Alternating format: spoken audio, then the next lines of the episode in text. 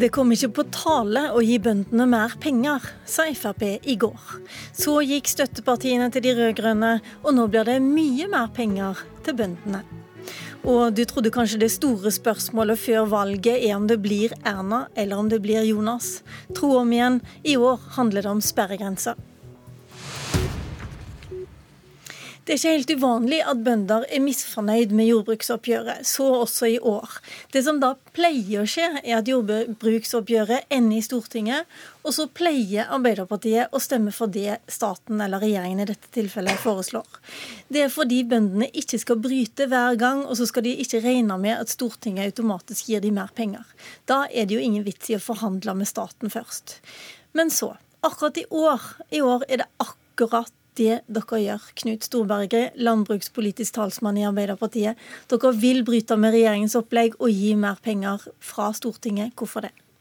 Først og fremst fordi at Arbeiderpartiet nå uh, i løpet av mange år uh, har vært opptatt av at vi skal øke norsk matproduksjon og sikre landbruk over hele landet innenfor ansvarlige rammer.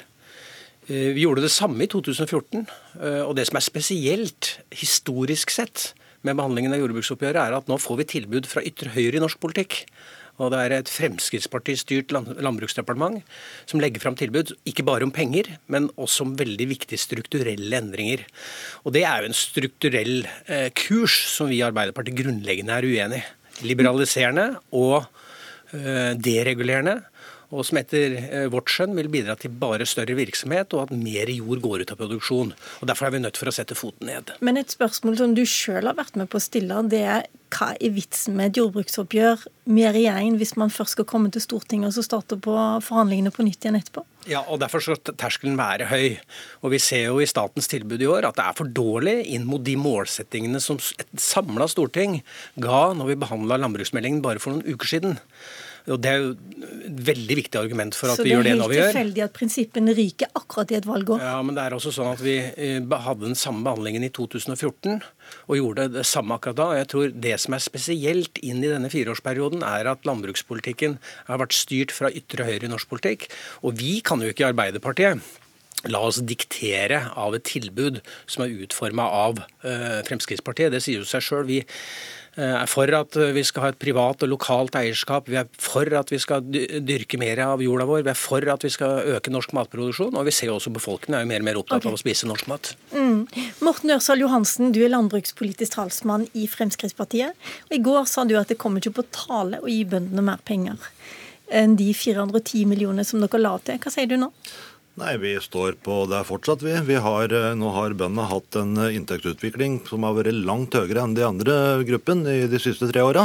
Eh, produksjonen har økt, inntekten har økt. De har hatt mye større økning, som sagt. Og, og da, når de andre grupper nå, sånn som industriarbeidere, politi, hjelpepleiere, må vise moderasjon, så er det kanskje på tide at bøndene gjør det. Men med det tilbudet som var eh, lagt, så, så får de faktisk en inntektsøkning. Eh, det er lagt opp til en litt større inntektsøkning enn andre grupper òg. Og det skal bli moro å se hvordan Arbeiderpartiet nå skal dekke inn dette her. Det er én ting, men at de skal da gå ut og fortelle til industriarbeidere og pensjonister og vernepleiere i dette landet at de er ikke verdt noen ting i forhold til, eh, til bøndene. Det skal bli interessant, og det skal også bli interessant når de skal dekke inn dette her, og fortelle pensjonister i det norske land at for å øke til, eller inntekta til norske bønder, så er vi nødt til å heve skattene deres. La oss spørre Storberget med en gang. Ja, øh, Hvordan skal du forklare dette? Jo, Det er ganske enkelt å forklare. og Det paradoksale i denne situasjonen er at desto mer Fremskrittspartiet kjører på og setter grupper opp mot hverandre, så ser vi at øh, de gruppene gruppene han selv nå nevner, industriarbeiderne f.eks., slår jo ring rundt bøndenes krav. Eh, det er jo de som jobber i nærings- og nytelsesindustrien som er avhengig av at vi har et livskraftig landbruk i dette landet. Vi har altså over 100 000 arbeidsplasser knytta til landbruk og næringsmiddelindustri. Og det skulle jo bare mangle. Jeg har forståelse for når eh, bl.a. fagorganiserte i LO nå går ut og støtter bøndenes krav, fordi at de ser at det er behov for at det dyrkes mat i Norge for at vi skal kunne foredle i fabrikkene. Og det er jo sånn, og det er grunn til å minne om når det gjelder spørsmålet om måteholdet her, at bøndene har jo sakka akterut i forhold til andre inntektsgrupper over mange år, og gapet blir større. altså det vil si at Tjener du 180 000 på et årsverk i norsk landbruk, eh, så skjønner en industriarbeider som tjener kanskje eh, langt mer, okay. at her må vi begynne å tette inntektsgapet. Det virker jo som om du ikke har snakka så veldig godt med dine samarbeidspartnere heller, eh, når du sier at det ikke kommer på tale med mer penger. fordi altså, nå går det jo altså, til Arbeiderpartiet. Hør, hør, her nå, Det produseres mer mat enn noen gang i norsk landbruk. Norske bønder tjener mer enn noen gang. De har hatt en inntektsvekst som har vært mye større enn alle andre grupper. Når Knut Storberget og, og, og, gjengen satt og styrte, så hadde de en, en inntektsøkning på 18 000 kroner på de åtte åra. På de tre åra vi har sittet, så har de hatt en inntektsøkning på 26 500 kroner. Så ikke kom og si at bøndene ikke eh, har, har inntektsøkning. Og det produseres mat slik at industrien får lov til å, å, å videreforedle dette her. Vet hva, jeg har lyst til å spørre Line Henriette Holten Hjemdal, som er landbrukspolitisk talskvinne for KrF. For det er helt klart det at bøndene har hatt en større inntektsutvikling enn andre grupper. Har ikke det gått inn på deg? Jo, vi produserer mer mat, og det gjør bøndene. Men bøndene har også hatt gode værforhold. Vi må legge det til grunn også. Det er ikke bare budsjettmidlene som Ørsal Johansen og vi andre har vedtatt på Stortinget. Men det som det, egentlig handler om, er jo at for fem uker siden så vedtok Stortinget en ny jordbrukspolitikk.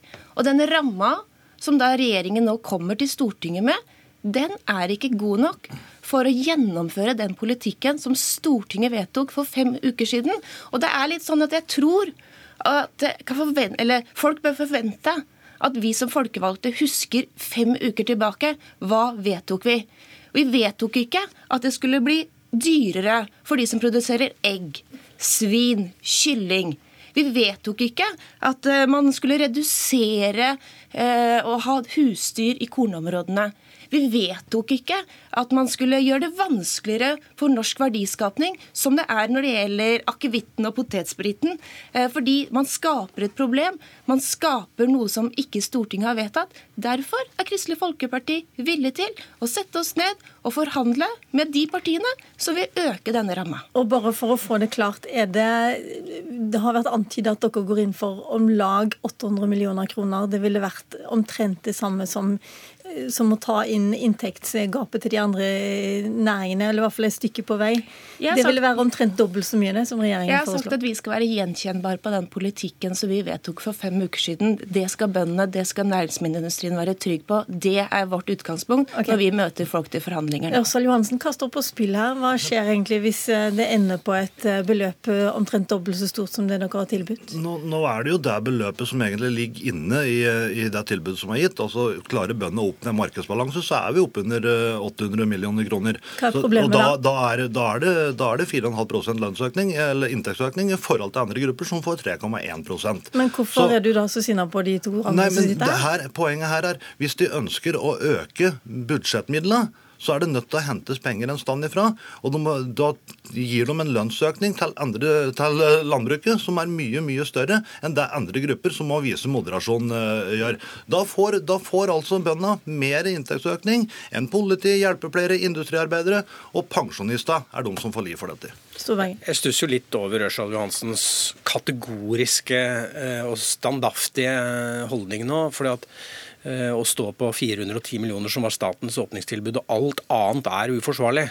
Når vi vet at, eh, og det har eh, landbruksministeren selv i, i pressemeldinger erklært, at uh, man var villig til å strekke seg oppover. Helt opp til 550 millioner, og man skulle finne 130 millioner ekstra i inneværende årsbudsjett, så man kom nesten nesten oppunder 700.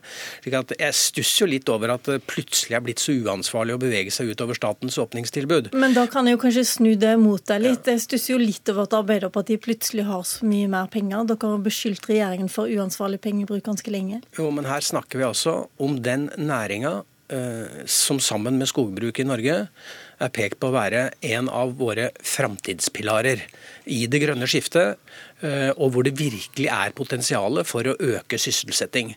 Eh, så for oss så er dette viktig investering i framtidens matproduksjon. Og så vil jeg nok si til Ørsal Johansen også at når det gjelder disse andre gruppene, så må man jo for all del ta utgangspunkt i hva er hva er utgangspunktet for lønna? Eh, og Der det er så fantastisk at de fleste forstår at når noen tjener 200 000 mindre enn deg eh, på et årsverk, så er det grunn til å begynne å se på inntektsgapet.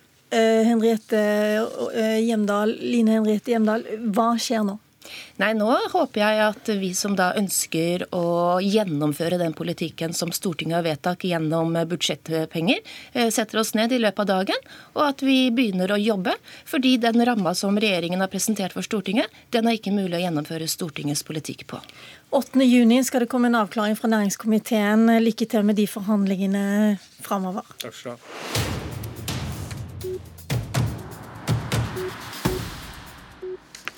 Vi nærmer oss oppløpssida på den lange valgkampen. Da skulle en tro at det store spørsmålet er om Erna Solberg eller Jonas Gahr Støre vinner den sluttspurten. Men nei, norsk politikk er en lagsport, og da er det viktigste spørsmålet hvilke partier som ender under sperregrensa på 4% og dermed vipper flertallet. Bernt Årdal, professor i statsvitenskap, du har sett på alle målingene det siste halvåret. Av de etablerte partiene så ser det aller verst ut for Venstre. Hvor store sjanser har de nå for å nå de magiske 4% sånn som du ser det? Hvis vi tar utgangspunkt i de målingene vi har hatt i disse seks månedene, så, er, så, ser det ganske dårlig ut. I to tredjedeler av tilfellene så ligger de under sperregrensen. Tar vi eh, hensyn til feilmarginene også, så er det bare et par prosent av målingene som ligger trygt over. Eh, men det betyr jo ikke nødvendigvis at dette er en eh, si, spådom om valgresultatet alene. For det jo, det er veldig mange som bestemmer seg sent, og det skjer også skiftninger mellom partiene i løpet av valgkampen. For det lurer jeg litt på på Skal vi tro på Altså i snittet på målingene så ligger Venstre dårligst an. Eh, dårligere enn f.eks. SV og KrF, som også sliter med sperregrenser. Men skal vi tro noe, har det noe poeng å se på det snittet, eller er det bare den siste målingen som teller? På en måte så er det jo bare valgresultatet som teller, men det vi ser i bakgrunnsmaterialet på disse målingene er bekymringsfullt, særlig for Venstre. og Det er at de har en veldig lav lojalitet fra sine tidligere velgere. I tillegg så har de også veldig mange usikre velgere. Og så har de også strømmer av velgere som går til andre partier, særlig til Arbeiderpartiet og Høyre. Og, og det at man spriker liksom i flere retninger, det betyr at man er veldig sårbar. Og at det ikke er liksom én grunn til at det går såpass dårlig på målingene.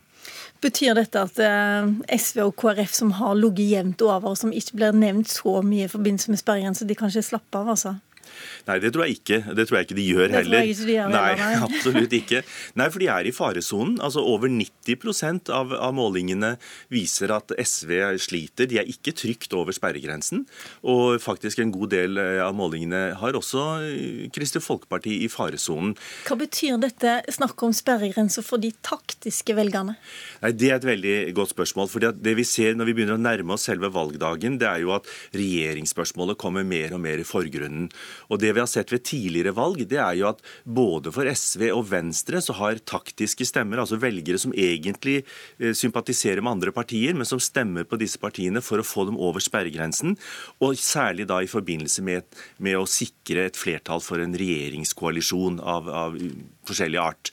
Eh, og Det er jo det store spørsmålet f.eks. For, for Venstre denne gangen. At eh, La oss si at det er Høyre-folk som kanskje ville vurdert å stemme taktisk på, på Venstre. At så lenge Venstre er såpass kritisk til å støtte regjeringen, som vi har sett at de er, særlig når det gjelder forholdet til Fremskrittspartiet, så kan jo det også redusere villigheten og interessen for, for en del andre velgere å stemme taktisk på dem ved valget. Så eh, Trine Skei Grande sitt mantra om at hvis du vil ha borgerlig flertall, må du stemme på oss, det er ja, Det var jo noe som helt åpenbart hadde litt effekt ved forrige valg. Eh, min vurdering er jo at det kanskje ikke er like sterkt argument denne gangen, fordi at man, man har sagt at man egentlig ikke er så veldig interessert i å støtte en, en regjering med Fremskrittspartiet. Fremskrittspartiet har foreslått en eh, høyere sperregrense. De er jo litt lei av disse småpartiene som har mye makt. Ett forslag er på 6 Hva Ja, det... vil det føre til? Det interessante med sånne forslag, om det både går opp og ned, er jo at gjerne man tenker kanskje særlig på sitt eget parti. Og i det tilfellet, hvis, hvis man hadde økt sperregrensen til 6% så ville Høyre og Fremskrittspartiet hatt rent flertall alene i 2013. I hvert fall i en sånn litt mekanisk forstand. Så det er klart at det ligger helt åpenbart en del taktiske vurderinger bak, eh, bak slike forslag. Men samtidig så er det jo en reell eh, diskusjon om hvor sperregrensen egentlig skal ligge. Bernt Årdal, takk skal du ha. Vi skal snakke mye mer om sperregrenser, og det er fortsatt lenge igjen til valget. Programleder i dagens Politiske kvarter, det var Lilla Sølhusvik. Hør oss igjen i morgen.